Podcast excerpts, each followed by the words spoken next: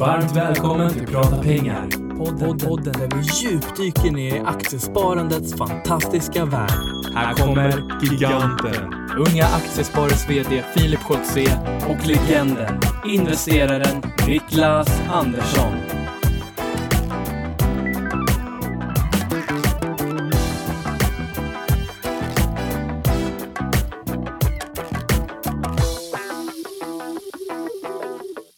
Då säger vi äntligen måndag och varmt välkommen till podden Prata pengar. Men nu Niklas är det faktiskt fredag igen då när vi eh, spelar in. En sån här traditionell mysig fredag morgon. Mm, och jag är riktigt full av energi för jag har tagit en ordentlig blaska kaffe på morgonen. Det har du. Ja, Och du eh, klarade dig till jobbet, eh, eller hit till kansliet också, trots eh, snön.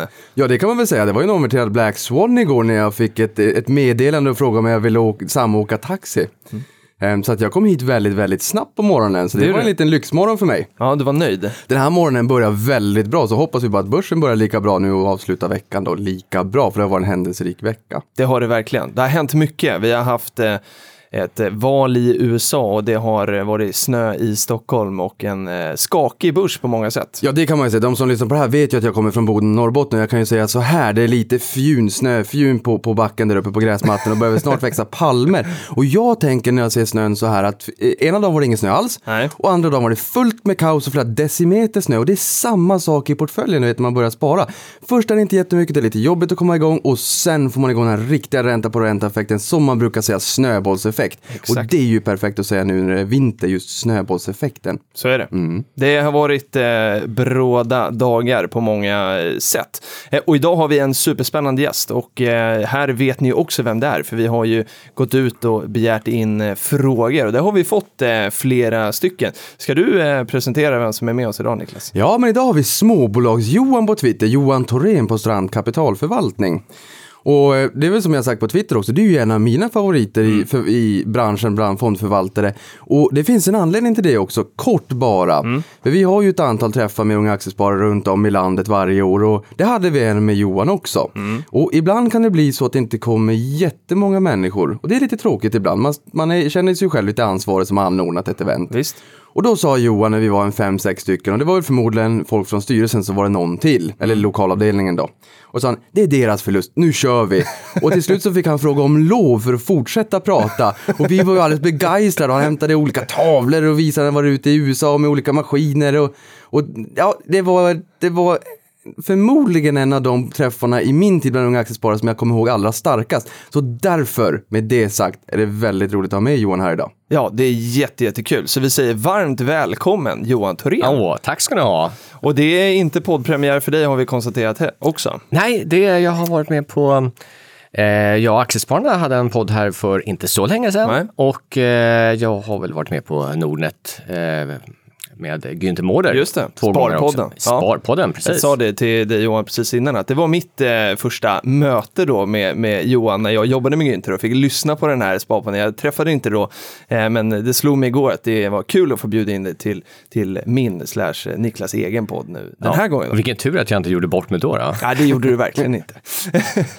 Jätteroligt. Jag tycker vi sparkar igång direkt, för vi har massvis med frågor idag, eller hur Niklas? Ja, och en dag som den här vill jag ändå också bara säga, vi kommer säkert komma in på valet också, det är ett otroligt intressant år. Mm. Det det. Med det turbulensen vi haft i Kina, i, i Brexit Ja. och Trump. Ehm, och innan vi bara sparkar igång, Mm. Kina. f- 7% ner i Kina 4 januari när vi vaknade på morgonen. Det gick ner jättemycket till 11 februari, sen var vi hemma 15 mars. Mm. Brexit, vi fick två dagars nedgång den 27 juni, vi var tillbaka 14 juli. Mm. Och i det här fallet med Trump så var vi tillbaka samma dag. Och vet ni vad? Igår, torsdag den 10 november, så noterade man all time high på Dow Jones. Mm. Vem hade kunnat tro det? Deras börs, eller USAs äldsta index 1896. Visst är det, Det kunde härligt? man inte tro. Visst är Ja, det, det är härligt superhärligt. fel? Ja, det är ju alldeles galet. Och det kommer vi kanske in på. Det kommer vi göra och vi, det blir en liten bra cliffhanger för att jag tänker att vi ska ta det eh, i den andra delen av dagens podd. Men så att vi börjar egentligen med, för det är nog många som inte vet vem småbolags-Johan är. Så Johan, vem, vem är du? Oj, en eh, eh, gammal aktienörd skulle jag vilja säga. Eh, eh jag är 49 och har jobbat i eh, typ 30 år i aktiemarknaden. Och jag var ganska övertygad tidigt i högstadiet någon gång att vad jag skulle syssla med. Jag skulle bli börsmäklare som första anhalt. Det var det, det yuppie-målet på något vis på den tiden får jag väl lov att erkänna. Eh, och och eh, det, jag började jobba eh, parallellt med gymnasiet eh, faktiskt eh, halvtid som analytikerassistent. Eh, och det var väldigt nyttigt och dels fick man ju lära sig grunderna i fundamental analys. Eh, men jag hann också vara med om då precis den stora kraschen som kom 87. När jag föddes. Ja, men- ett, halvår sen, ett halvår senare. Förstår du hur länge Johan har varit på börsen? 22 procent i USA ner där. Ja. Mm. Eh, och det var också nyttigt för då jobbade jag på Götabanken fondkommission. Eh, och där hade man, eh, hamnade man snett. Väldigt många eh, av eh, optionsmäklarna och förvaltarna hade eh, eh, låg snett i sina derivatpositioner. Jag tror det var ju tidigt i derivatvärlden, eh, man hade inte riktigt koll på det, vilken risk eh, man löpte. Eh, och framförallt hade nog inte kunderna någon koll på det. Så att eh, det, det slutade med en förskräckelse egentligen och det var oerhört nyttigt att vara med, även om jag inte var inblandad i de där affärerna, så var jag ju med i, i, i liksom på firman, så att, eller banken, så man såg vad som hände och eh, konsekvensen av hela en sån kraftig rörelse. Och eh, det där upplevde man ju som en, en eh, det var en mardrömsperiod egentligen. Men så kände jag här efter Brexit att när jag gick hem eh, på måndagen efter eh, när, första dagen när handeln hade kommit igång efter midsommar, så tänkte jag, nu har jag varit med om det största fallet sedan 87 på en och samma dag. Och hur kände jag då jämfört med nu? Ja, då var man ju totalt slut eh, och, eh, men, och, och hade egentligen ägnat hela dagen till att sälja aktier och så vidare. Visserligen var jag ju analytiker, men att hjälpa mäklarna i det här.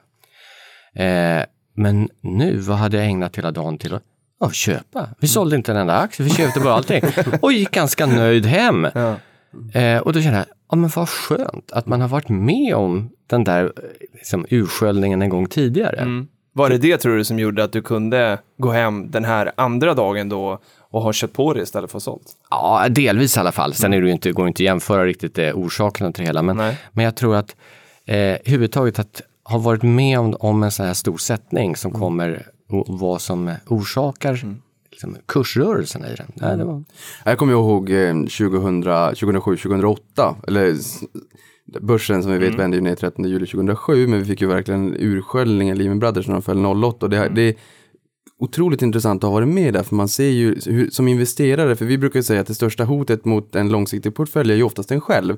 Och att man ser hur man både reagerar och hur man sen agerar. Och i det här fallet är det ju kul att höra att du faktiskt drog nytta av den här erfarenheten och, och liksom tog fart än längre i karriären. För vi hade ju Stefan Ingves, riksbankschefen här för ett antal avsnitt sedan. Och han sa ju att han inte köper aktier för att han verkligen har sett djävulskapen på insidan som många människor förmodligen inte har sett, både i Sverige och, men även internationellt.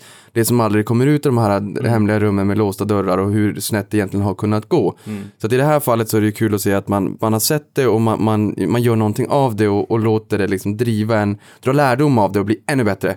Bra, fortsätter eh, hålla på med aktier. Bra övergång till första frågan, för det är ju så, du, för, du är ju förvaltningschef, eh, är väl titeln, ja, Ja. det stämmer bra det. Ja. på, på Stränder och eh, förvaltar då eh, Strands småbolagsfond. Just det. Och, och vi, vi är en liten udda aktör för att eh, och det, successivt genom alla år i, i, branschen så har jag ju sett hur många firmer har varit skötta lite konstigt och hur eh, man har organiserat upp dem märkligt och, och haft fel typ av personal anställd. Så att jag och eh, två kollegor, vi beslöt oss att starta eget eh, för 12 år sedan eller något sånt, 13 kanske. Eh, och då kunde vi förverkliga alla våra drömmar om hur vi skulle vilja bygga ett bolag och hur det skulle fungera i finansmarknaden. Och vi har nog byggt det totalt annorlunda mot egentligen merparten av alla andra aktörer. Bland annat så är vi då fokuserade på diskretionär förvaltning. Och vad är det? Det är alltså... Det är ett knepigt ord. Ja, jag, jag kan knappt stava till det. Man kan knappt uttala det. Och det, det bygger, eh, diskretionär förvaltning, det är att man skräddarsyr en portfölj efter varje enskild kund.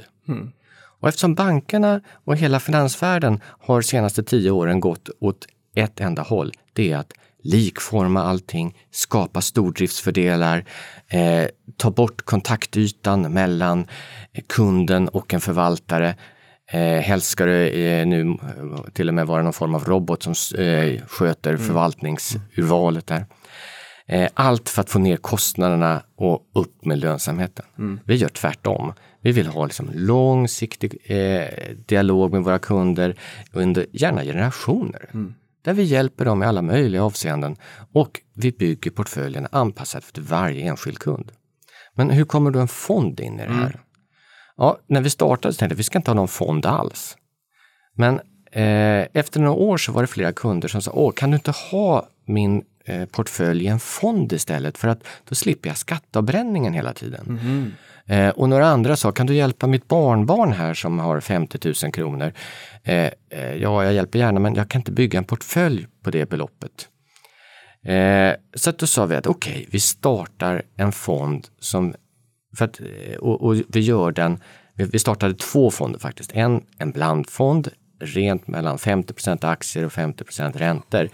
Den går mellan 30 och 70 aktier för sig. Och sen en småbolagsfond. Och då sa jag, ja men vi vill inte ha massa jobb med att vara rena fondförvaltare. Vi får göra den som vår modellportfölj för de kunder som har diskussionära kunder som har småbolagsinriktning. Okej. Och även om det är en diskussionär portfölj så vill vi då ha eh, ett visst papper i den, om vi säger Haldex. Ja, då har vi det till en viss procent, men då är det anpassat på varje kund utifrån den här modersportföljen. Liksom att, aha, kunden A, den eh, ska ha en viss risknivå. Kunden B ska inte ha några Haldex alls för att där finns det redan Haldex-aktier som det kanske en skattepåverkan och det skulle innebära. Kunden C är kanske insider, inte vet jag, eh, eller något annat. Och allt sånt där anpassas. Då. Men moderportföljen, då kan vi lägga en fond som egentligen bara speglar den. Så när vi gör alla affärer för våra disk diskussionära kunder så är det exakt samtidigt som vi gör det åt fonden. Okej. För att fonden har bara blivit som en extra portfölj i den här. Så att alla får givetvis samma kurs och samma sekund som vi gör affären för. Just det. Eh, Men är det då, för det som Niklas var inne på här, att det största hotet i det långsiktiga aktiesparandet är förmodligen en själv. Eh, och nu är ju, liksom, jag och Niklas är ju eh, unga aktiesparare och tycker det är jättekul att sätta ihop vår egen portfölj och inte köpa de här fonderna. Ja, det är ju precis det. Men vad, och, och det finns ju en stor debatt också kring liksom, eh, aktivt förvaltade fonder, för det är ju dina. Eh, och, så, alltså, va- varför varför har man en aktiv förvaltarfond om det finns så, så mycket som tyder på att det, är- det är väldigt svårt att slå sitt index till exempel och sådär? Ja, eh, en anledning också varför vi inte ville ha några fonder ursprungligen, det var ju att fonderna är väldigt reglerade utifrån hur mycket de måste vara investerade. Eh, och eh, man kan inte vara så fri helt enkelt. Nej, man är helt bakbunden till de här reglerna. Så vi sa att om vi ens ska ha några fonder så ska det vara specialfonder. Och vi ska bara ha det som service mot våra befintliga kunder. Sen efter ett antal år så upp, man måste rapportera in eh, NAV-kurser och sånt där. Vi marknadsförde inte fonderna på något vis, det var bara till befintliga kunder. Då hörde Morningstar av sig och sa grattis. Jag kommer ihåg det här samtalet. Eh, Jonas Lindmark hette han väl, som eh, ringde upp och, och eh, sa att grattis Johan. Eh, jag, jag, till vad då? Ja, jag höll mina. Ja, tack, tack. och, ja, du får fem stjärnor. Och, och, då- och då började jag fatta, jaha, har vi fått fem stjärnor? Eh, och, eh, och, och då eh, kunde vi komma in, blev vi eh, ombedda att finnas på Avanza och Nordnet. Okej. Men vi finns inte på några andra plattformar och av andra skäl i och för sig också. Men, men eh, om man då är fondförvaltare, då är man en vanlig fond. Då är man helt bakbunden med att vara istället, egentligen fullinvesterad hela tiden. Och sen har du regler om hur mycket aktier du får äga i ett och enskilt procentuellt, hur mycket av fondens värde som får vara investerat i ett och enskilt bolag. Och det innebär att om du har en väldigt stor fond, för att många av de här fonderna har ju otroliga försäljningskanaler med många hundra säljare som är ute och trycker ut det här. Eh, och då blir de här fonderna gigantiskt stora.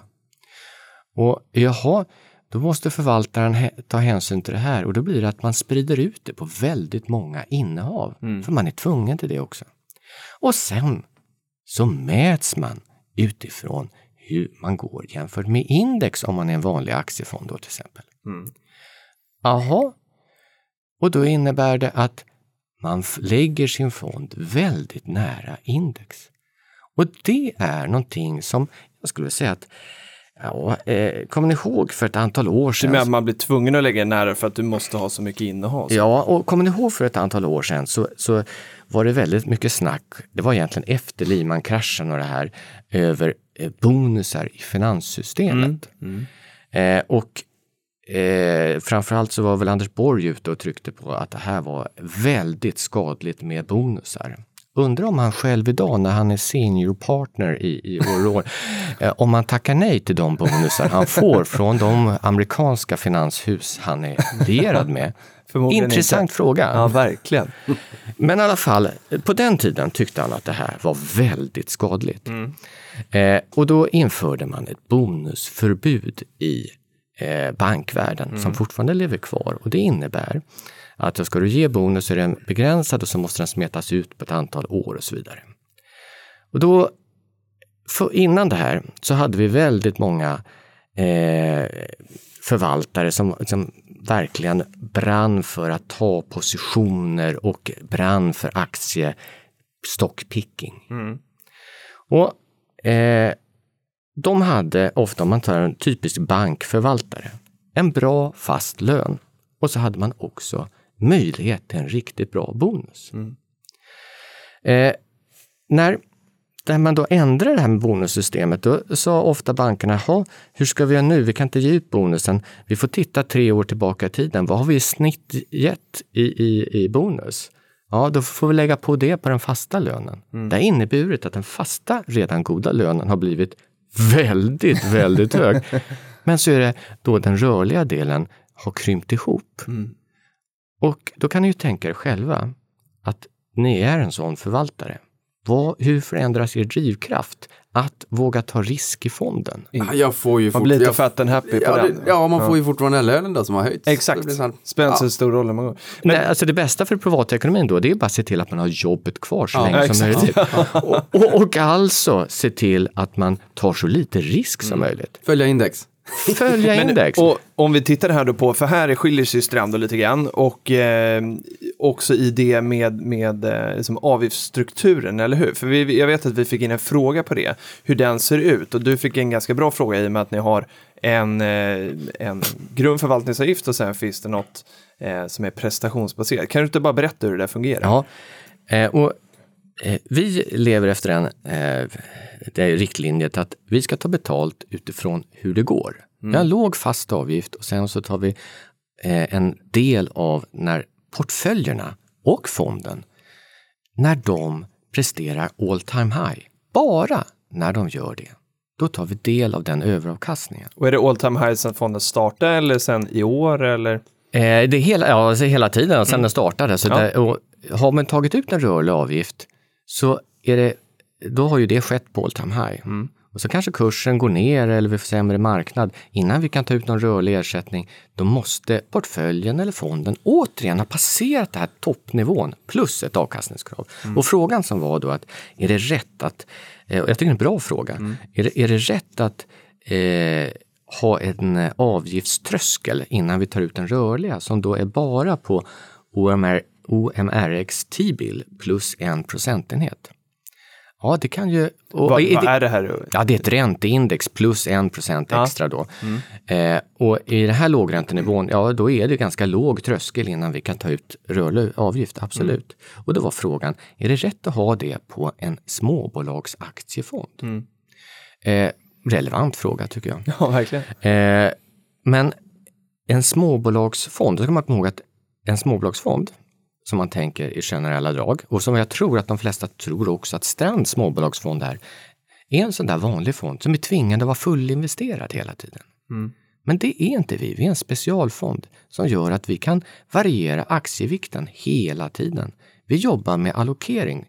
För att för oss ligger ett intresse av att när det går ner, för det gör det alltid ibland, så måste vi se till att förlusterna blir så små som möjligt. Mm.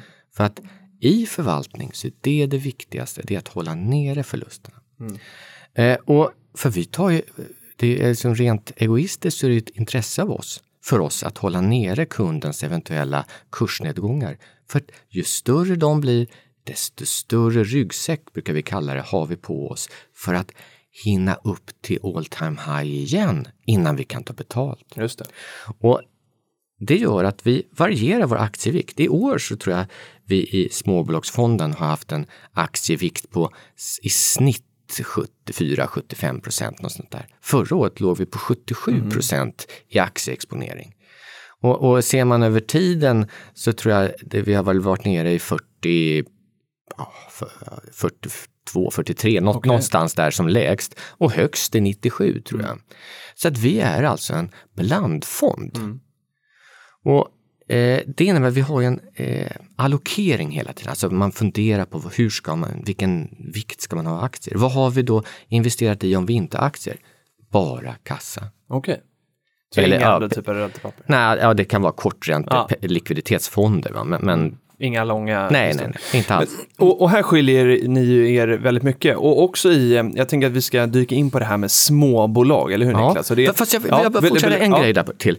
Och, och en vanlig aktiefond, om man ska jämföra med Mm. index och ta eh, betalt utif- med, med rörligt, Mm. då innebär det ju också att om en fond, eller om vi säger att börsen går ner 30 procent Mm. och, och vår fond då skulle gått ner 20, ja, då skulle vi tagit ut den där mellanskillnaden. vi skulle tagit ut en rörlig avgift för att vi har gått bättre än index, det vill säga gått ner mindre. Mm. Det, det tycker vi är helt fel. Så vill inte vi göra. Vi vill bara ta ut när vi gör all time high. Och eh, det, det, det får ju liksom en, en annan typ av- av incitament för oss i, i hur vi ska hantera portföljen. Och sen har vi tyckt att ja, den vanliga delen i vinstdelning i, i branschen, det är att kunden behåller 80% och förvaltaren 20. Vi tyckte de där 20 är lite mycket, så att vi ligger på 15. Plus att vi har en ganska låg avgift på den fasta sidan. Och den fasta avgiften är 0,9 procent. Det tänkte vi, det där är nog bra för det kommer locka till sig många kunder. Att vi har en låg fast avgift. Och I förhållande till andra småbolagsfonder? Just det. Yes. Men det var väldigt fel av oss. För att, som jag beskrev förut, de här stora fonderna, de har hundratals säljare av olika slag. Det är bankpersonal och det är försäkringsmäklare och gud vet vad som håller på att förmedla de här fonderna. Hur får de betalt? Jo, de får del av fondavgiften. En procentandel av fondavgiften. Likadant alla de här olika fondtorgen då.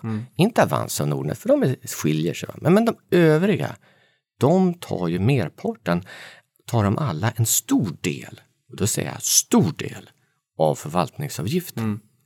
Och då är det mycket roligare för dem att ha en fond på sitt fondtorg eller att marknadsföra en fond till sina kunder Ja, som har en hög avgift. Så vi har fått höra från ett antal fondtorg att ni kan gärna, vi tar gärna in Strands småbolagsfond här, men ni måste höja er fasta avgift från 0,9 så att ni kommer upp till åtminstone 1,6. Så att eh, då att banken har rådgivare och inte säljare kan man ju ifrågasätta. Exakt, men är deras affärsidé att rekommendera sina kunder dyra och i vissa fall sämre produkter? Ja, jag kan säga att då, då, det är deras affärsmodell. Den håller inte i längden. Nej. Det är därför man ska göra det här själv, eller hur Niklas? Och, och, Absolut! och, och går vi in då på, på, vi lämnar fonden och så går vi in på liksom småbolagen, för här vet jag att ni skiljer er ganska hårt jämfört med, eh, om man går in på ett sånt här fondtorg, om det är Nordnet Avanza eller vad man nu går in, Aktieinvest, så ser man ju då, då kan man söka på småbolag och då hamnar ju ni där med Carnegie och Diner och Gerge och de här.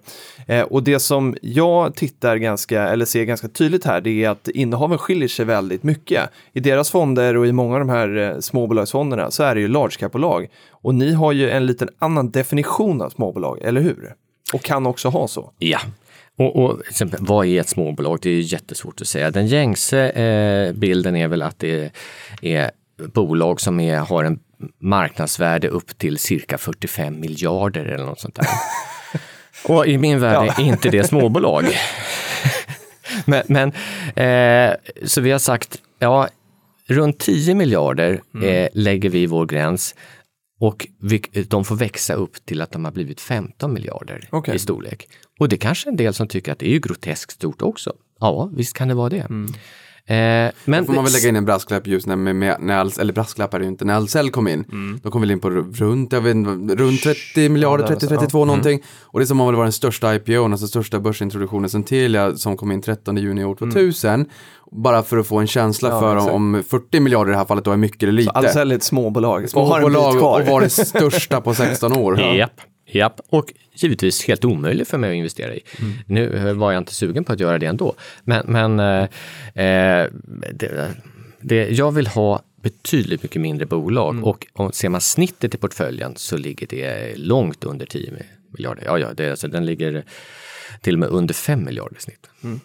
Och, och vi har ju fått in ganska mycket frågor om hur man då liksom hittar de här eh, småbolagen. Men eh, första frågan innan vi går in på det, vad, varför vill man ha småbolag? Varför, vad är liksom edgen i det? Varför ska man inte bara köpa det som redan har gått bra? Oh, ja, men det, det, det, det är två enkla svar här. Det är framförallt, var finns potentialen för kursuppgång? Om vi tittar på de stora bolagen, Volvo, Sandvik, Astra och så vidare. Och det kan vara jättefina bolag med väldigt duktiga management och man allt, om allting går rätt för dem. Visst kan vi få se en kursdubbling i ett sådant bolag under några års tid. va? Men jag har väldigt svårt att se att vi kommer få uppleva Volvos kurs stiga med ett par tusen procent. Eh, det, det kan jag tyvärr lova att vi i alla fall under vår livstid inte kommer få se. Eh, men bland de mindre bolagen, de har ju fortfarande möjligheten att bli stora bolag. Och på den resan så får man en fantastisk procentuell utväxling på sitt investerade kapital.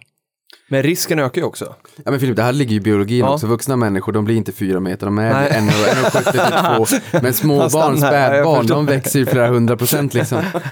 Ja, det var, det var en jättebra liknelse. Visst. Och, men risken, ja, det är ofta det kommer frågan, ja det är större risk i småbolag. Eh, och jag skulle säga, nej, jag tycker inte det. Nej, intressant. Ja, för att ett, det är mycket enklare att managera, alltså styra och leda ett mindre bolag. Om vi går tillbaka till Volvo måste jag säga, stackars, stackars den vdn eller finanschefen som ska ratta Volvo. Eller stora andra enorma eh, organismer, vad man ska säga. För att var man vrider på en kran, så, eh, i, om, man- om man säger liksom i hela det här maskineriet av, av siffror, ja, hur, ja, då ger det en effekt någon annanstans som är väldigt svår att kunna avläsa och ändras. Det är nästintill omöjligt att hantera smidigt en sån supertanker det är frågan om. Och när supertanker, bara som en input där, var det inte så också att Volvos IT-avdelning var en av Sveriges största? Jo, Precis. På svårt att managera liksom. Och, och, och, eh, och då tycker man ju att ett mindre bolag som där entreprenören finns kvar och som liksom brinner för sin baby och kan det här bolaget utan och innan. Och dels när man kommer och tittar på det här och gör analysen så är det ju mycket enklare för mig som investerare att kunna bedöma, ah, det här verkar kunna finnas en bra potential i själva verksamheten. Det är väldigt svårt att göra den bedömningen på många av de här stora jättedrakarna. Så om man då ska hitta de här småbolagen och då har vi fått in dagens första fråga från M Svarstad på, på Twitter under hashtag prata pengar. För eh, henne frågar då så här, vad är det första som Johan tittar på när du kollar på ett bolag för första gången? För det är väl det som är intressant. Vad är det du tittar på när du letar de här småbolagen? Ja, så står det andra och tredje också. Ja, och Ni- andra och tredje, Och. Niklas lägger till en till. Hur viktig är pilotskolan när det kommer till mindre bolag? Mm. Och, eh, det är lite olika vad som är det första man, man letar efter egentligen. Eh, det är nog kanske en känsla av någonting som kan vara lite spännande här. Eh, men vad är det som gör det spännande? Det kan vara ett helt nytt bolag som kommer som man inte har eh, träffat tidigare. Men det kan ju lika väl vara ett bolag som har eh, haft det väldigt jobbigt en period och fallit under lång tid. Och då kan det vara spännande att se att ah, börjar de här kanske få komma till rätta med sina problem? Och återigen, det betyder lättare att ju avgöra den, om de har gjort det eller inte, om man tittar på ett litet bolag jämfört med Volvo. Liksom. Ja, vad finns det om man gräver lite djupare där? Who knows? Svårt att komma åt ju. Ja, ja. Eh, så att det, jag skulle vilja säga att det är lite olika vad som är det första, men, men det viktiga faktorer är, ja ett, alltså jag och mina kollegor, vi vill ju begripa verksamheten och kunna förstå flödet och vad som styr hela och vad finns efterfrågan. Jag vill gärna se någon form av trigger, alltså nå- någonting som skapar en bättre marknad just för ett bolag, vad, vad det nu är för bolag, om det är ett konsultbolag eller om det är en tillverkande bolag. Finns det någonting i vår omvärld som gör att det kommer öka efterfrågan på det här? Och då tänker eh, ni som lyssnar, jaha, vad, vad då i konsulter? Ja, alla pratar nu till exempel digitalisering. Ja, men vem ska göra den här digitaliseringen då för varje bolag? Jo, det är konsulter man tar in. Och det där har jag pratat länge om, att det är IT-konsulter har ett antal bra år framför sig. De har dessutom två bra kvartal som kommer här tror jag. Både Q4 och Q1 kommer att bli bra för IT-konsulter. Har du några IT-konsulter? Absolut. Ja, har. Ja. Eh, eh, men, men eh, eller så kan det vara som eh, om man till exempel läser Affärsvärlden eh, senaste numret så skriver de stort om Beijer Ref, också en favorit hos mig, som är en av Europas stora kylgrossister. Jaha, hur kul är det då? Ja, har man varit utomlands på ett hotell där det inte finns AC, då kan man förstå att det är kul med kyla. Ja, men eh, vad är den spännande som ska förbättra marknaden för, att, för en kylgrossist? Jo, då är det regulatoriska förändringar som kommer. Ni kommer säkert ihåg att man tidigare tog bort freonet, för, förbjöd det. Då måste man komma in med en ersättningssubstans eh, i de här kyldiskarna och annat. Och då, för att det ska fungera så behöver man ha högre tryck i en sån här kyldisk. Och då måste man antingen bygga om kyldisken eller skaffa en ny. Beijer kommer in och tjänar på detta.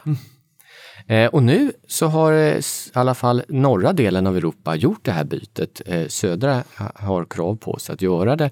Men det kommer, nu, nu kommer man eh, som det som man sa att det är, det är tillåtet att byta till det här nya kylmediet. Nu kommer det nya regler som även tar bort det. Så det här det är liksom en fortsatt stark marknad som kommer. Så där har vi en kylgrossist som alltså tjänar oerhört mycket pengar och får en ökad efterfrågan på en regulatorisk förändring i Europa. Men om vi säger då att du har, eh, du har dykt på ett bolag på något, så, något sånt sätt. Att, Ja. men, ja. Och så vill du då börja titta, göra din hemläxa. Är det här ett bra bolag? Hur, Mm. hur eh, går du tillväga för att värdera det här bolaget då? Ja, det hänger lite grann på vilken bransch de är i förstås och hur långt de har kommit i sin eh, tillväxt. Det, det är svårt att göra ett P tal på ett bolag som inte vis, visar vinst. Utan eh, Är det en fråga där bara? Köper du bolag som bara går med vinst? Eller? nej, nej. det är ju inte nödvändigtvis. Nej. Eh, det jag vill se det är att de har, alltså, jag vill inte investera i ett riskbolag där det är en chansbolag att ja, rött eller svart på rouletten, antingen blir det här jättebra eller så går det fanders. Nej. Ja, det kan jag göra med egna pengar om jag nu skulle vilja göra det. Va? Men jag förvaltar andra människors pengar. Jag kan inte göra den typen av risktagande. Jag vill kunna räkna på det här och även om de inte har kommit till den fasen att de riktigt ännu tjänar pengar så ser jag att det, det är bara en tidsfråga. Och då kan jag ju lägga in vad min bedömning eller vad Strands bedömning är. Hur mycket kommer de här att kunna tjäna eh, i olika eh, utfall och, och ska man, sannolikheter. Va? Så att vinsttillväxt per aktie är viktig och försäljningsutvecklingen. De kan ju köpa sig till försäljning. Men ju större försäljning ett bolag har så brukar det i slutändan tratta ner, kanske inte första året, men det kommer sen resultera i allt bättre resultat också. Sen är jag en, alltså en ganska förtjust person i starka balansräkningar. Vad är en stark balansräkning? Då? Ja, det beror lite grann på verksamheten också, för det hänger lite grann på vad, typ av eh, hur ser rör, liksom, hur, ser hela affärsmodellen ut? Men, och vad behövs det i den här? Men, men jag, jag ser gärna att man har en trygghet i den här balansräkningen så att man, om det blir ett antal svåra år, Eh, Niklas sitter och gäspar här. Nej, nej, nej, jag, hoppa, jag, ho- jag hoppa, hörde ni gäspningen där? Jag hoppas att ni som lyssnar inte har somnat helt här. Jag ska sparka lite på Niklas.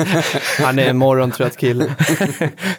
Eh, men men eh, om det blir svåra år, alltså en riktigt tuff konjunktur för en bolag eller bransch. Ja, har du en svag balansräkning, då ligger du illa till. Då blir du som aktieägare antagligen groteskt utspädd i någon nödnyemission eller så går bolaget under. Det är bara att titta på Eniro eller något annat. det. va? Ja.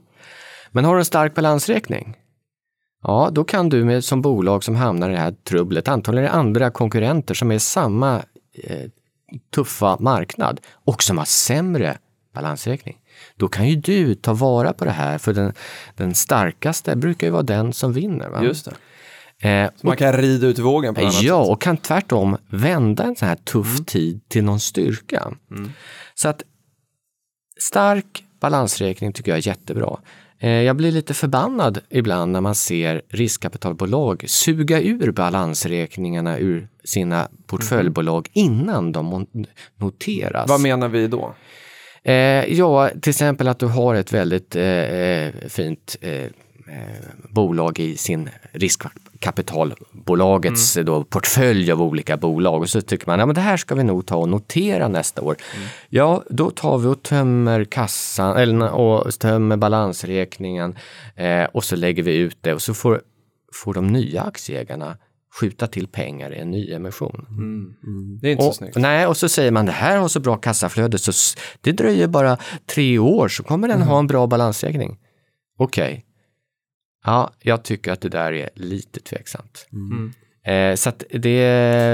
Det är lite grann som man brukar prata om också, när- just när det kommer till riskkapitalbolag och de sätter bolag på börsen. Är de liksom utarmade? Har de tagit allting och knappt genom flest kvar till, till Nej. aktieägarna när bolaget kommer in på börsen? Det är väl egentligen som att sätta mig på en öde ö.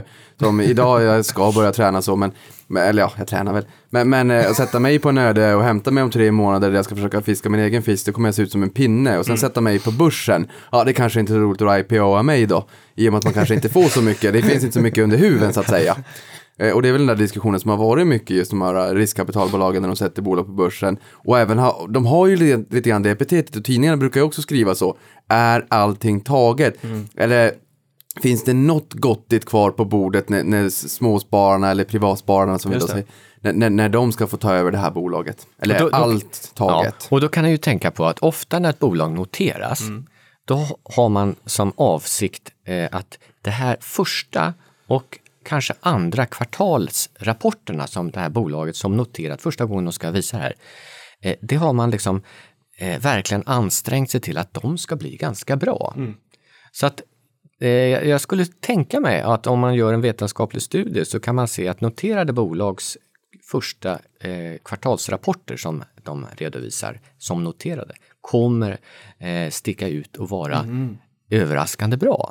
För det ligger lite grann i, i hur man noterar det här tänket runt det. Man vill ha en bra start. Nu tänker jag på window dressing, Ja, sminka exakt. grisen eller klä bruden för bröllopet innan notering. Ja, så att om ni nu bara eh, går in i, i, i en eh, notering och får tilldelning och, och så tänker nu tar jag pengarna och springer.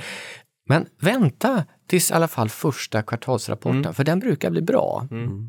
Och det har ju faktiskt vi sagt Filip också när det kommer till ett visst antal bolag. Vi sa det även vid Ahlsell. Ehm, och hur fint bolag den må vara så sa vi att vi i alla fall inte skulle köpa det. Jag hade varit matförgiftad till Thailand och inte hunnit läsa på. Men just det här att låt ett bolag befinna sig i noterad miljö en liten stund och se hur, hur det utvecklas. För det är ju ett nytt sätt att Verkligen. tänka.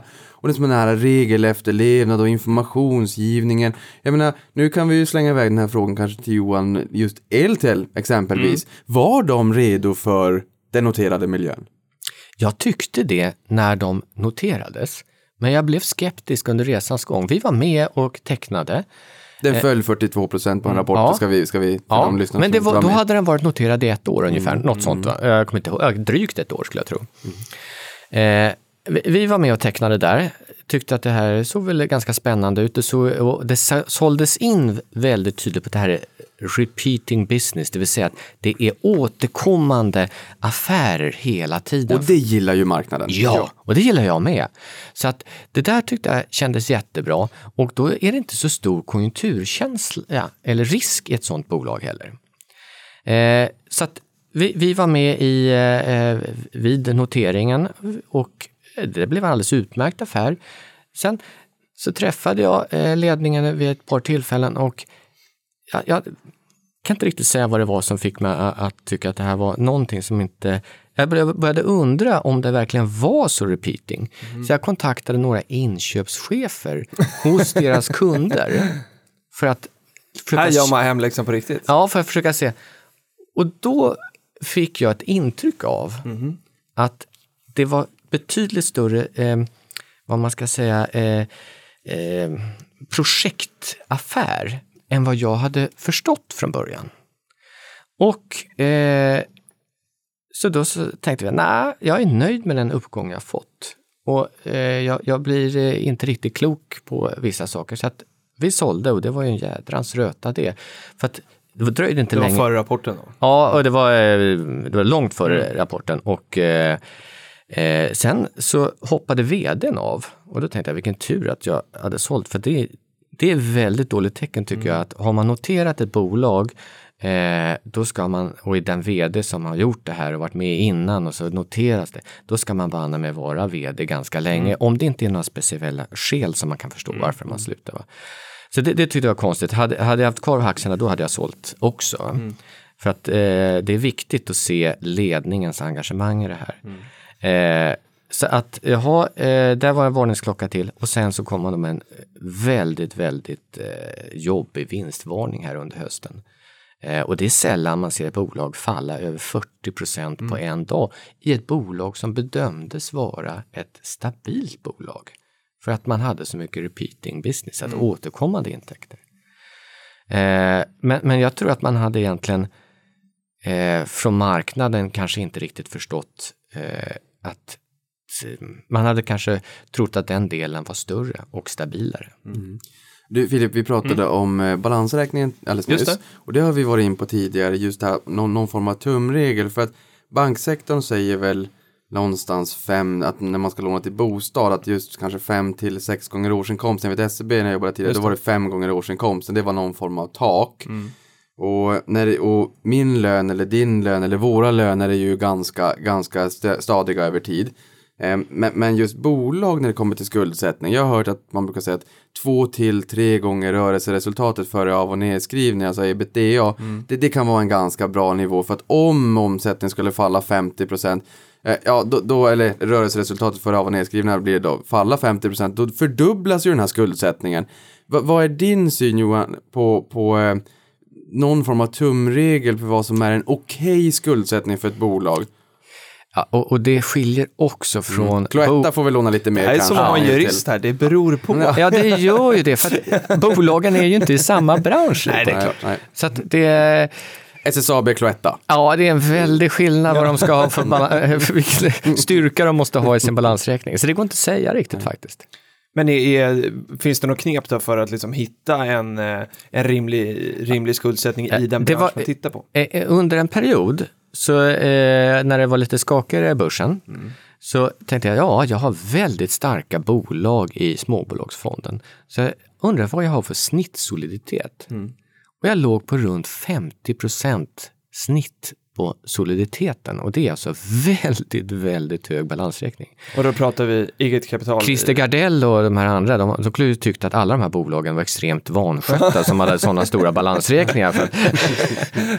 Och, och enligt hans sätt så har han ju rätt. Va? Men, men jag ser det på eh, lite annorlunda vis och då tycker jag att eh, ja, eh, jag har gärna den typen av trygghet. Eh, Eh, vi har fått en fråga också från eh, Sparpingvin på Twitter som vill ha tre välmotiverade aktietips. Du får välja om det blir ett eller tre, men, men eh, något tips i alla fall.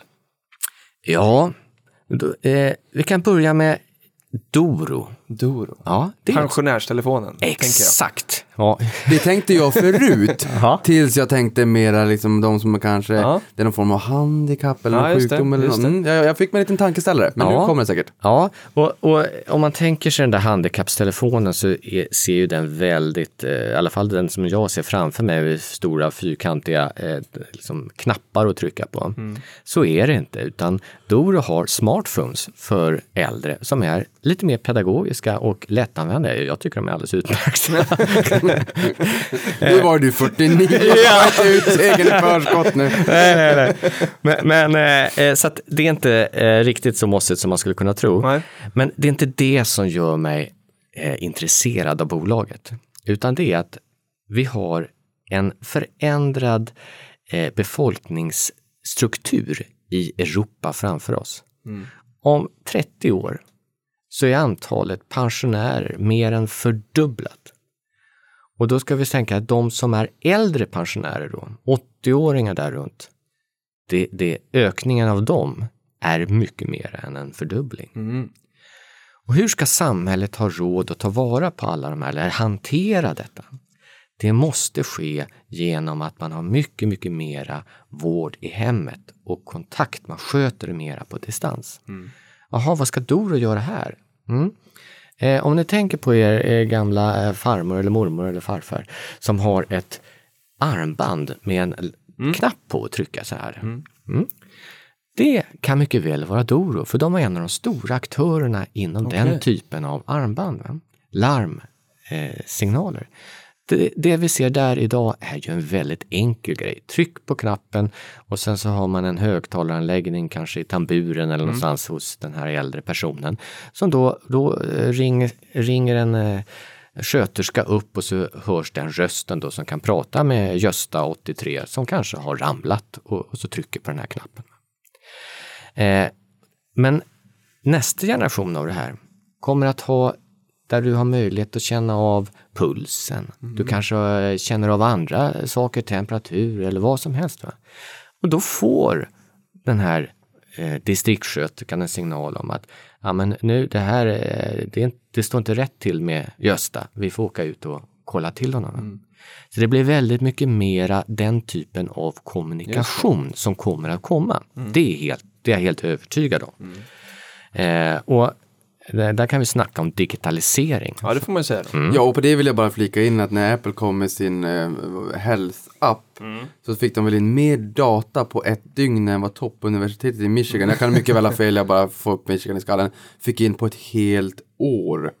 Och då börjar man inse det med big data, hur en Ja, otroligt stor potential det är. Tänk om man skulle kunna ha 200 000 pensionärer där ute och i realtid med da, da, dataprogram kunna monetarisera, eller monetarisera är typiskt börs, men, men, men kunna titta på så här puls och just kanske blodsockernivå. Var, varför inte att man får in något i kroppen som mäter, ja, nåväl, fortsätt Johan. Ja, och, och eh, då eh, så eh, de levererar ju de här armbanden idag eh, till eh, kommuner och landsting. Och de vann den eh, upphandlingen som de har då levererat tidigare.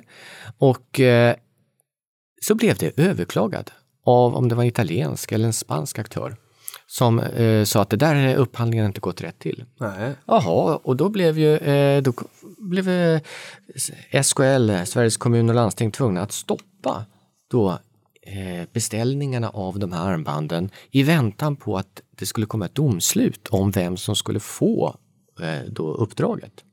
Och det här stoppades någon gång under eh, ja, tidig vår tror jag det var. Och det blev klart i oktober att givetvis så var det Doro som har kvar och vann det här kontraktet. Men det har inneburit att 2016 är ett förlorat år för Doro, för de har inte kunnat sälja de här. Eh, men det har också gjort att kursen har kommit ner ordentligt. Så att idag så är ju kursen liksom på ett P-tal, om man räknar på nästa års vinst, för vilket är det enda eh, rationella att göra i det här fallet, och vi är så nära 2017 också, eh, så är det P-tal som ligger runt P10. Va? Nu ska jag vara klyschig.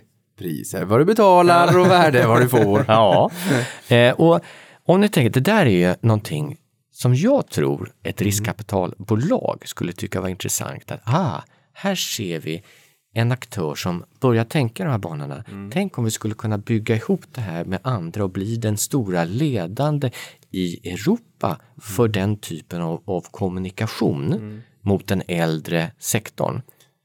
Och sen så IPOar man det, alltså noterar det om ett antal år. Eh, Skulle jag vara riskkapitalbolag så skulle jag definitivt räkna på Doro. Därför tror jag att Doro löper risk. Att bli utköpt. Ja. Är det inte så att vi ska skicka med den hälsningen, eh, hälsningen till Johan Forsell på Investor då? Och deras onoterade del? Ja, det skulle kunna För vara. har man ju slagit in med, med, med, med Brown Ability och Ja, permobil det. och, och lite grann åt det hållet och hälsovårdssektorn. Mm. Du har ju även eh, plockat både eh, Haldex och Nordnet när det kommer till, till uppköp utbudskandidater. Och Så Proffice. du har ju ett bra också. Just. Ja, senaste året har, har vi haft lite tur med uppköp. Kan man, kan man, eh, Har man tur eller eh, förtjänar man tur? ja, men det var, var det Stenmark som sa att ju mer jag tränar desto mer tur har jag. Ja. Så vi får väl säga så. Jag tänker att det är Niklas fråga, eller det var dit du ville komma. Nej men jag tänkte komma, vad, vad, vad, vad ska man titta på för att hitta Mm. de här bolagen som kanske eventuellt kan bli uppköpta? Men nu tänker jag, vi har ju något aktietips kvar så jag vet inte om jag fick Nej men kör den in. emellan, kör den emellan Okej. så tar vi aktietipsen. Okej. Vad ska man titta på för att hitta de här aktörerna som man tror att där mm, kan bli ett uppköp? Ja, eh, dels att man försöker förstå hur tänker de som, vill, som skulle köpa det här? Var passar det här in någonstans? För att ta på sig deras glasögon på något vis. Eh, så försöker jag tänka. Och sen också se, är det här ett bolag som är möjligt att köpa? Hur ser ägarbilden ut? Är det en stor stark entreprenör som vill eh, driva det här eh, under många decennier till och som äger 80 procent? Ja, då kan vi ju Parentes är Fortnox, storägaren, vägrade att sälja till Visma. Ja men visst, visst, visst, visst. Eh, eller Fagerhult, jag tror inte familjen Douglas har några planer på att sälja det. Va? Så, att, eh, så att det finns ett antal sådana här fina bolag som eh, man kan nog lägga ner planerna på att de kommer bli uppköpta. Möjligen utköpta av. Ja, familjen. Ja. Eh, men men eh, eh, vad var frågan nu då? Det var, Hur man Eh, hittar vil- Vilka faktorer vad man tittar på för att Ja. tänka att de här bolagen kommer nog ja, bli och, uppköpta? Ja, och de som köper ett bolag vill ju göra precis som vi, bra affärer givetvis. Så man vill ju hitta rätt timing. Vi vill köpa en aktie som man tror har bra potential när den är billig, inte när den är dyr. Hur kommer det sig att det kom bud på Haldex nu? Jo, vi har haft Haldex ju lastbilsbromsar. De har under ett senaste åren haft en ganska tuff konjunktur. Kursen har halkat neråt, med delvis rätta då på grund av konjunktursituationen. Och så ser man att ja, sannolikt så börjar den här konjunkturen bottna ur. När är det man ska köpa aktien? Är det nu eller skulle man ha köpt den liksom när konjunkturen toppade? Ja, det är givetvis nu. Varför kommer då en hel uppsjö av, av budgivare på Haldex? Ja, jo, men det är tajmingen. Mm. Ja, och det är ju det där, det är ju, tajmingen är otroligt viktig. Mm. Och där kan det ju vara så att vi tycker, eh, kanske i något fall att bolaget kan se lite dyrt ut på börsen samtidigt som man ändå ser bolag köpa ut dem. Och det kan ju vara för att det finns synergier och de tycker, Mm. Men i våran struktur, i vår organisation så, så får vi så mycket kostnadsbesparingar på det här. Så för oss är det billigt. Mm. Även om man som sparare kanske tycker att nej men jag tycker inte att det är billigt om jag bara tittar på hur det ser ut exakt idag i en ögonblicksbild. Hade vi något mer aktietips? Jajamän, eh, och då tar jag med ett som faktiskt inte visar svarta siffror, alltså inte Aha. gör vinst ännu. Nu är vi inne på nya domäner. Ja, eh, fast så eh, illa är det kanske inte. Det är Tubi. Ah. jag, jag eh, älskar detta lilla spännande bolag, för där har man eh, något, eh, man bryter ny is i att vi kommer ha ögonstyrning, för Tubi jobbar med ögonstyrning.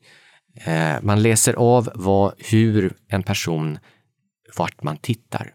Och vad, vad kan man använda det till? Allt möjligt skulle jag vilja säga. Tubi har ett affärsområde och det är att man eh, gör, utvecklar handikapphjälpmedel. Om man drabbas av eh, vissa sjukdomar, eh, ALS till exempel, fruktansvärd sjukdom, där man i slutändan ofta hamnar i ett läge där man inte kan röra no- någonting förutom sina ögon. Intellektet är helt eh, oskadat, men det enda man kan kommunicera med är att röra ögonen.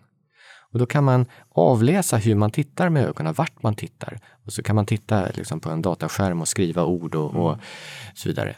De är den ledande i världen för handikapphjälpmedel för, eh, via ögonstyrning. Eh, och den här delen genererar en bra vinst. Sen har de också ett eh, affärsområde till som håller på med analys utifrån hur man eh, som konsument tittar. För att kan ni tänka, det är ju viktigt om man eh, tar detaljhandel till exempel, går in i en, en butik. Var tittar kunden någonstans?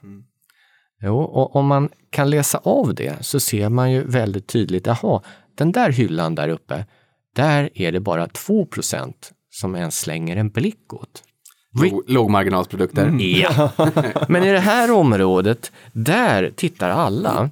Då trycker man in sina egna varumärken där med högst marginal.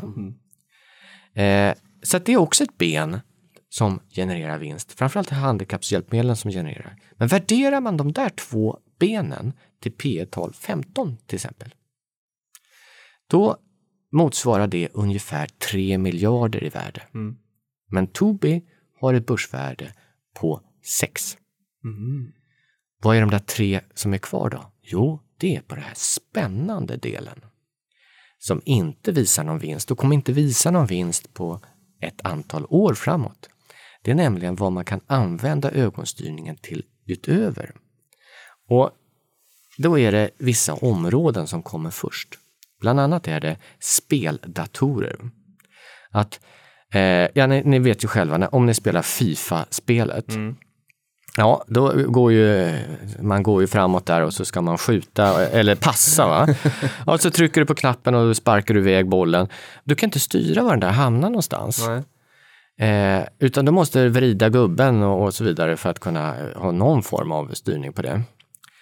Men när man spelar ett Fifa-spel med Tobis eye tracking, då när du startar det, då får du följa tre punkter på skärmen under några sekunder. Sen har datorn sig på dina ögon, dina pupiller. Eh, och så spelar du Fifa-spelet och så ser du Zlatan springa ute på högerkanten. Ja, då tittar du mot Zlatan och så trycker du på eh, passaka. Då går passningen dit du tittar. Va? Eller om det är ett krigsspel. Ja, du behöver inte vända gubben eh, hackigt för att då skjuta åt höger eller vänster eller var det är någonstans du ska eh, skjuta va, i det här krigsspelet. Utan du skjuter där du tittar. Eh, det blir en helt annan upplevelse i de här spelen. Så det, det har gjort att stora spel eh, mm, datortillverkare har börjat teckna sig då för att samarbeta med Tubi. Eh, Acer är, är liksom stora i detta. Där har Tobii, det var man först, kom man först med. Nu har även Dell beslutat att göra det. Och det som man räknar med att inom ett år ungefär så kommer det finnas över 100 speltitlar som är ögonstyrda. Eh, det utöver spelvärlden, va? Det, där, det är det som bryter isen på något vis. Men då har du andra områden eh, som är jättespännande. Till exempel eh, VR-hjälmar och sådant. Om ni har spelat VR eh, eller använt en VR-hjälm, har ni det på er eh, längre än två minuter så är det i alla fall risk att bli sjösjuk och lätt, lätt illamående. Det är inget konstigt för det beror nämligen på att hur dina ögon eh, hanterar informationen som kommer till dig. Och den hamnar lite, lite snett inne i huvudet på det här och då blir du sjösjuk. Eller har lätt att bli det i alla fall. Men bygger du in en eye tracking funktion i den här VR-hjälmen eller VR-glasögonen, då så får du bort merparten av den här sjösjukesymptomen. Häftigt. Ja, Ja. VR är ju hett. Ja, ja visst. Och, och Starbreeze, vilka använder de för att kunna eh, få fram det här? Man har inte det färdigt ännu, men det är, det, det är Tubi. Okej. Och det är också en del andra aktörer på gång där runt eh, just VR-sidan. Nu gör Tubi också en ny emission för att kunna satsa ännu mer på VR-utvecklingen. Men det mest spännande runt eye tracking, det är vad som kommer lite längre fram. Och jag trodde att det kanske skulle vara om tre år eller fyra år och det var precis som Henrik, vdn där, också trodde. Men häromdagen så kom de med ett pressmeddelande som jag tyckte var superspännande. För då så sa de att de har tecknat första avtalet med en hemlig kund det är en smartphone-tillverkare. Där de ska leverera algoritmerna till den här smartphonen för ögonstyrning. Och det är redan nästa år. Okej. Och det innebär, vad, varför, vad ska man ha för ögonstyrning i mobilen? Ja, fundera på det. Det kan vara allt utifrån, eh, för att den här algoritmen, eller det eh, Tubbe gör, den läser inte av några ögonbottnar eller sådär, utan den skannar egentligen ditt ansikte och så följer den ögonen. Men om den skannar ansiktet, ja, då kan du ju förstå att ja, du kanske inte behöver ha någon pinkod för öppnaren eller någon fingeravtryck eller något annat. Den bara skannar av dig.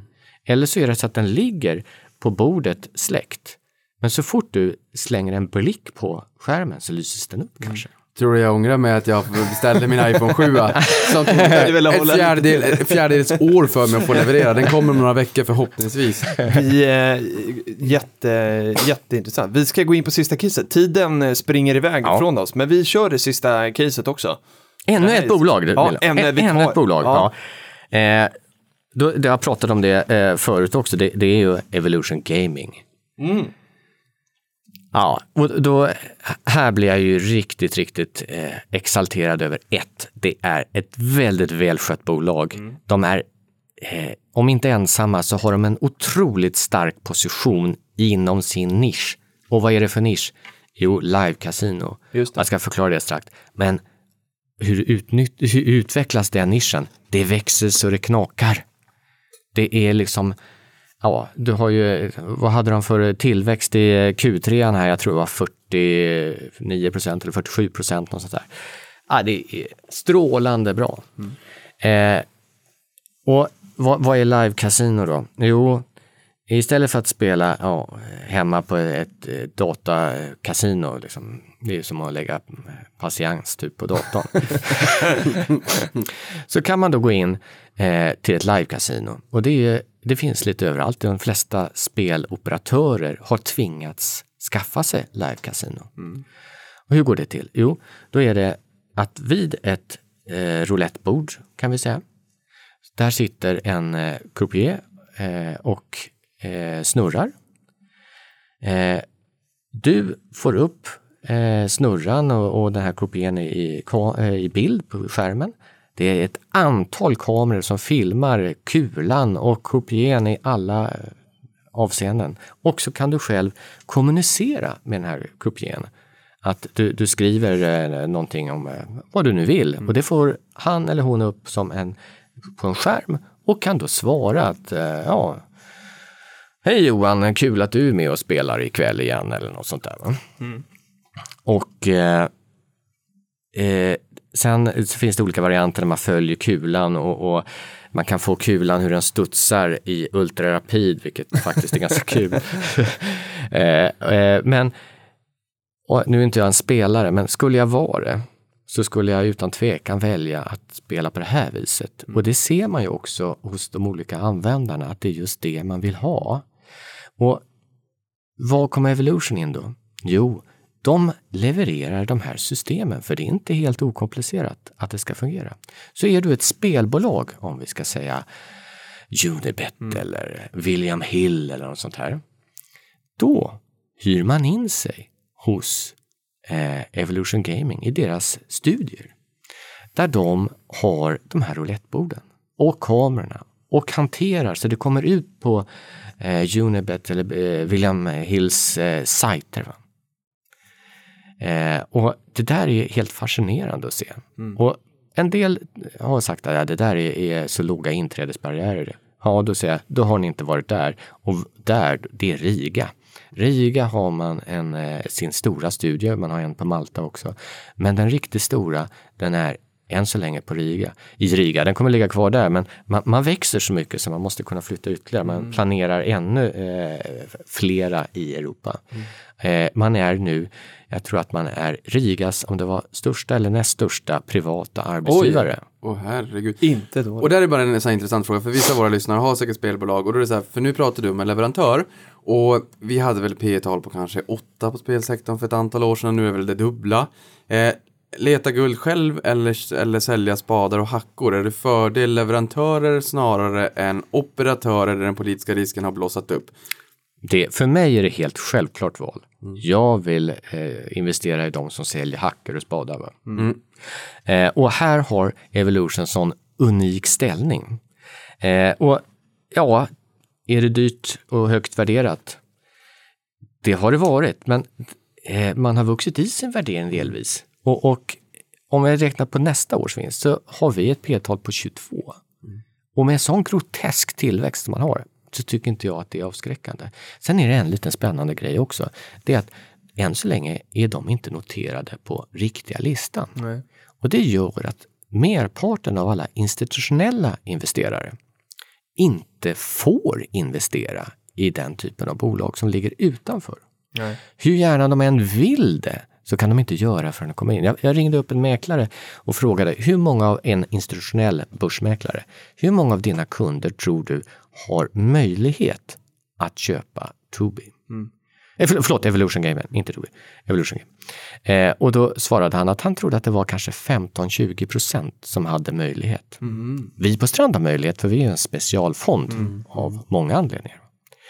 Men då förstår ni, när det här ska noteras, om antagligen sker det någon gång runt sommaren eller något sånt. Va? Man har skjutit på det för man har inte haft tid. Ja, okej. För att man har haft sån enorm tillväxt. Man fokuserar på tillväxten framför och det är väl rätt i och för sig. Eh, det här... Men det kan vara en trigger då helt enkelt. Ja, ja. ja. Intressant. Eh, Nu är tre roliga aktietips. Vi har inte haft så mycket aktietips i den här podden, men när vi har en förvaltare på plats så måste man ju passa på. Eh, men som alltid så, så är det viktigt att göra sin egen hemläxa såklart. Men eh, rolig inspiration. Jag tänkte så här, eh, innan, nu är vi långt över tiden, så det är precis som eh, när du var eh, Niklas och träffade Johan med Unga Aktiesparare. Man, tiden får bara gå helt enkelt, för det är härligt. Men, men jag tänkte att vi skulle avrunda med Johan att eh, du har ju en, en historia också i den politiska världen. Eh, och vi hade ju ett val den här veckan där, där Trump gick som segrare och chockade marknaderna lite grann. Så det har varit turbulent. Och, eh, vi behöver inte gå in jättedjupt på det, men, men vad tycker du att man som privatsparare ska liksom tänka på när det kommer till eh, sådana här makroekonomiska händelser som vi så fint kallar det? Eh, jag, jag brukar se rollen som förvaltare, det, det är att man är kapten på en båt. Och eh, jag ska ta den här båten med passagerare, gärna så fort som möjligt från punkt A till B. Men då är det ganska viktigt att man tar hänsyn till vad är det för väderleksrapporter som kommer. Eh, är det stormvarning? Eh, vad har jag för sjökort? Eh, och kunna väga in allt sånt för att besluta vad ska jag ha för segel hissade? Ska jag ha fulla segel rakt fram? Ja, ibland ska jag ha det. Men inte alltid.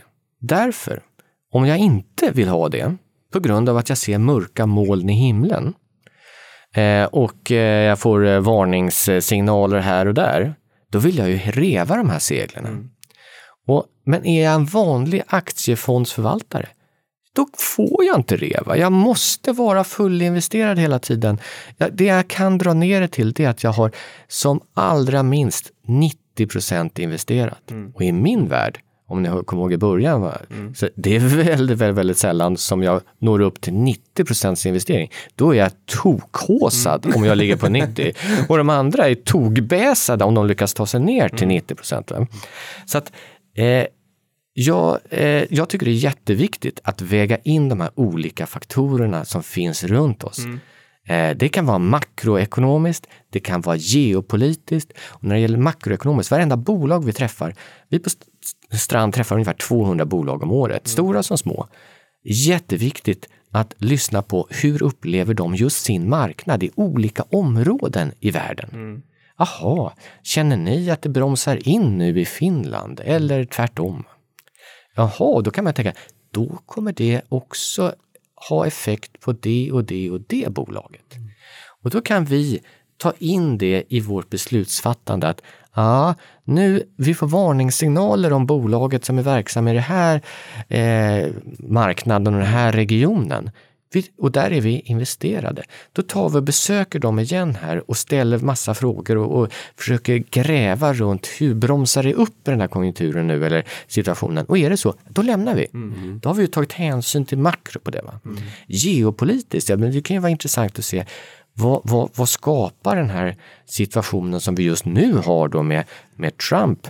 Eh, och, och jag måste ju verkligen erkänna att jag hade jag hade ju tvärfel. Jag var ju övertygad om att om Trump skulle vinna så skulle vi se börsen gå ner Mm. ganska ordentligt.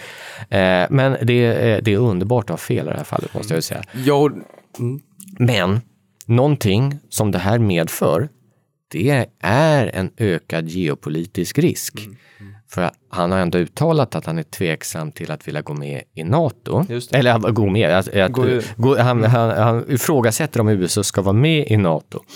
Eh, vi i Sverige, vi på något vis sätter vår trygghet till NATO oavsett om vi är med eller inte. Eh, och det är intressant att alla borgerliga partier är en rör, rörande eniga om att vi ska gå med i NATO. Men om inte USA är med där, vilken stora krigsmakt är det vi ska luta oss mot då? Erdogan eller? Ja, det blir väldigt jobbigt. Och nu vet jag att tiden springer iväg, men det finns en grej jag bara vill säga och då nyhetssvepet utgår i det här, för Ja. det, blir, det blir mer Johan idag då. Men Ja. det är en, en bland flera kloka grejer som du har sagt tidigare som jag vill dela med mig av till våra lyssnare. Och det är just det här med, med typ som timing med Kina, med, med Brexit, Mm. med USA nu, att när det faktiskt vände upp, vi alla var livrädda inför det här och sen så var vi på plus, det, från 3,5% minus till 1,20 plus då. Ja. Och är det ti- att man ska ti- market timing eller time in market och att Mm. våga vara långsiktig. Kan du på en minut kort bara berätta om när vi fick askmolnet från Island och vad Ja. du gjorde då? Ja, men det kan jag visst göra. Men jag tänkte bara säga Trump där. Ja. Saab. Om man inte har etiska aspekter runt Saab, köp Saab. Jag kan inte se något land i Europa som inte kommer öka sina försvarsbudgetar. Askmolnet, om ni kommer ihåg det för ett antal år sedan så kom det här stora askmolnet eh, från Island som lamslog helt plötsligt flygtrafiken. Börsen rasade, eh, företag kunde inte få ut sina varor eller kunde inte få till sig eh, delar till sin verksamhet. Det var total kaos. Vad händer? Och så sa man hela tiden på nyheterna, den här, nu kommer jag inte ihåg namnet på den isländska vulkanen som eh, spydde ut Den den här. gökna fjökull, någon... Nå, nå, något sånt där. Eh, att det är en eh, liten rackare. Bredvid, där är jättevulkanen och den mullrar. Oj, oj, oj, om den eh, spricker, åh herregud, då, då är, vi vågar inte ens tänka tanken. Och då fick vi tag i en eh, vulkanolog eh, som kunde, eh, vi tänkte vi måste skaffa oss information om det här, vad, vad händer och så vidare. Och han, ja, ja, det är stor risk att den här nu kan jag inte ihåg namnet på den heller. Jättevulkanen då kommer att få ett utbrott och då, oj, oj, oj, då kommer det spruta upp eh, tio gånger mycket mer aska. Eh, oj. Eh, och vi såg framför oss nattsvart och så sa han, den här askan den kommer hamna så högt upp, om den stora då får utbrottet. Så den kommer hamna på, jag kommer inte ihåg hur högt upp i atmosfären. Jaha, sa jag, men, men för flyg, eh, kommer det påverka flyget? Nej, det kommer inte påverka flyget, för det ligger mycket högre upp. Det kommer påverka långsiktigt klimatet, eh, men, men inte flyget. Jaha, så att flygtrafiken, ja, eh, ja, den är bara påverkad nu för att den här lilla fjösiga vulkanen, den orkar inte hosta upp askan högre än till 10 000 meter. Och där lägger det som ett lock och det är där flyget går. Va? Och det låg som ett lock på börsen dessutom. ska Man säga. För Exakt. kurserna föll ganska dramatiskt. Och då förstod vi, aha! Om den där nu får ett utbrott så är inte det någon fara egentligen för världskonjunkturen. För att flygtrafiken kommer fortsätta. Vi tar och investerar. Så vi, vi hade redan dragit ner våra vikter ordentligt och så undrade vi om vi liksom typ skulle eh, totalt reva seglen och söka nödhamn där. Om jag liknar. Nej, nu kunde vi då när vi fick den där informationen, nu hissar vi för fullt. Några dagar senare så ja, var ju oron runt askmolnet över och marknaden drog och vi var var med väldigt väl där. Va? Så att, ja, det är någon form av, ja, om man nu ska kalla det för makrogeopolitiskt. Att våga göra sin hemläxa och läsa på lite Verkligen. grann. För att här, börsen är ju ett aggregat av Mm. väldigt många känslor. Test, vi har sagt det förut, testa gå mot ett rödljus. Om det står massa folk vid ett rödljus, testa gå mot så kommer folk följa efter. Det är lite som marknaden fungerar också. Det är exakt Kul som exempel. fungerar. Verkligen. Eller inte mitt exempel, utan Johans exempel. Ditt, exempel. ditt var bra också. Ja, det var också bra. Det är fler bra. Och vilken rolig podd vi har haft. Det är sällan tiden springer så fort som, som när man sitter i den här studion. Eh, jättetack till dig Johan som eh, ville gästa oss idag. Du är varmt välkommen tillbaka. Och tack till dig också Niklas. Eh, vi, Om eh, man tackar. imorgon ska vi till Västerås du och jag. Det blir en tidig morgon Och vad ska jag också. göra då?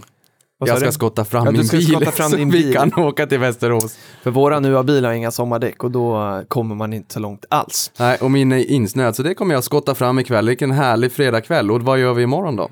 Ja, men då ska vi träffa Kristina Engelen och, eh, och aktiefika. Med Tjejforum Med och prata tjej- amerikanska aktier. Ja, Mm. det ska bli jättekul. Vad trevligt det låter. Ja, det ska bli jätteroligt.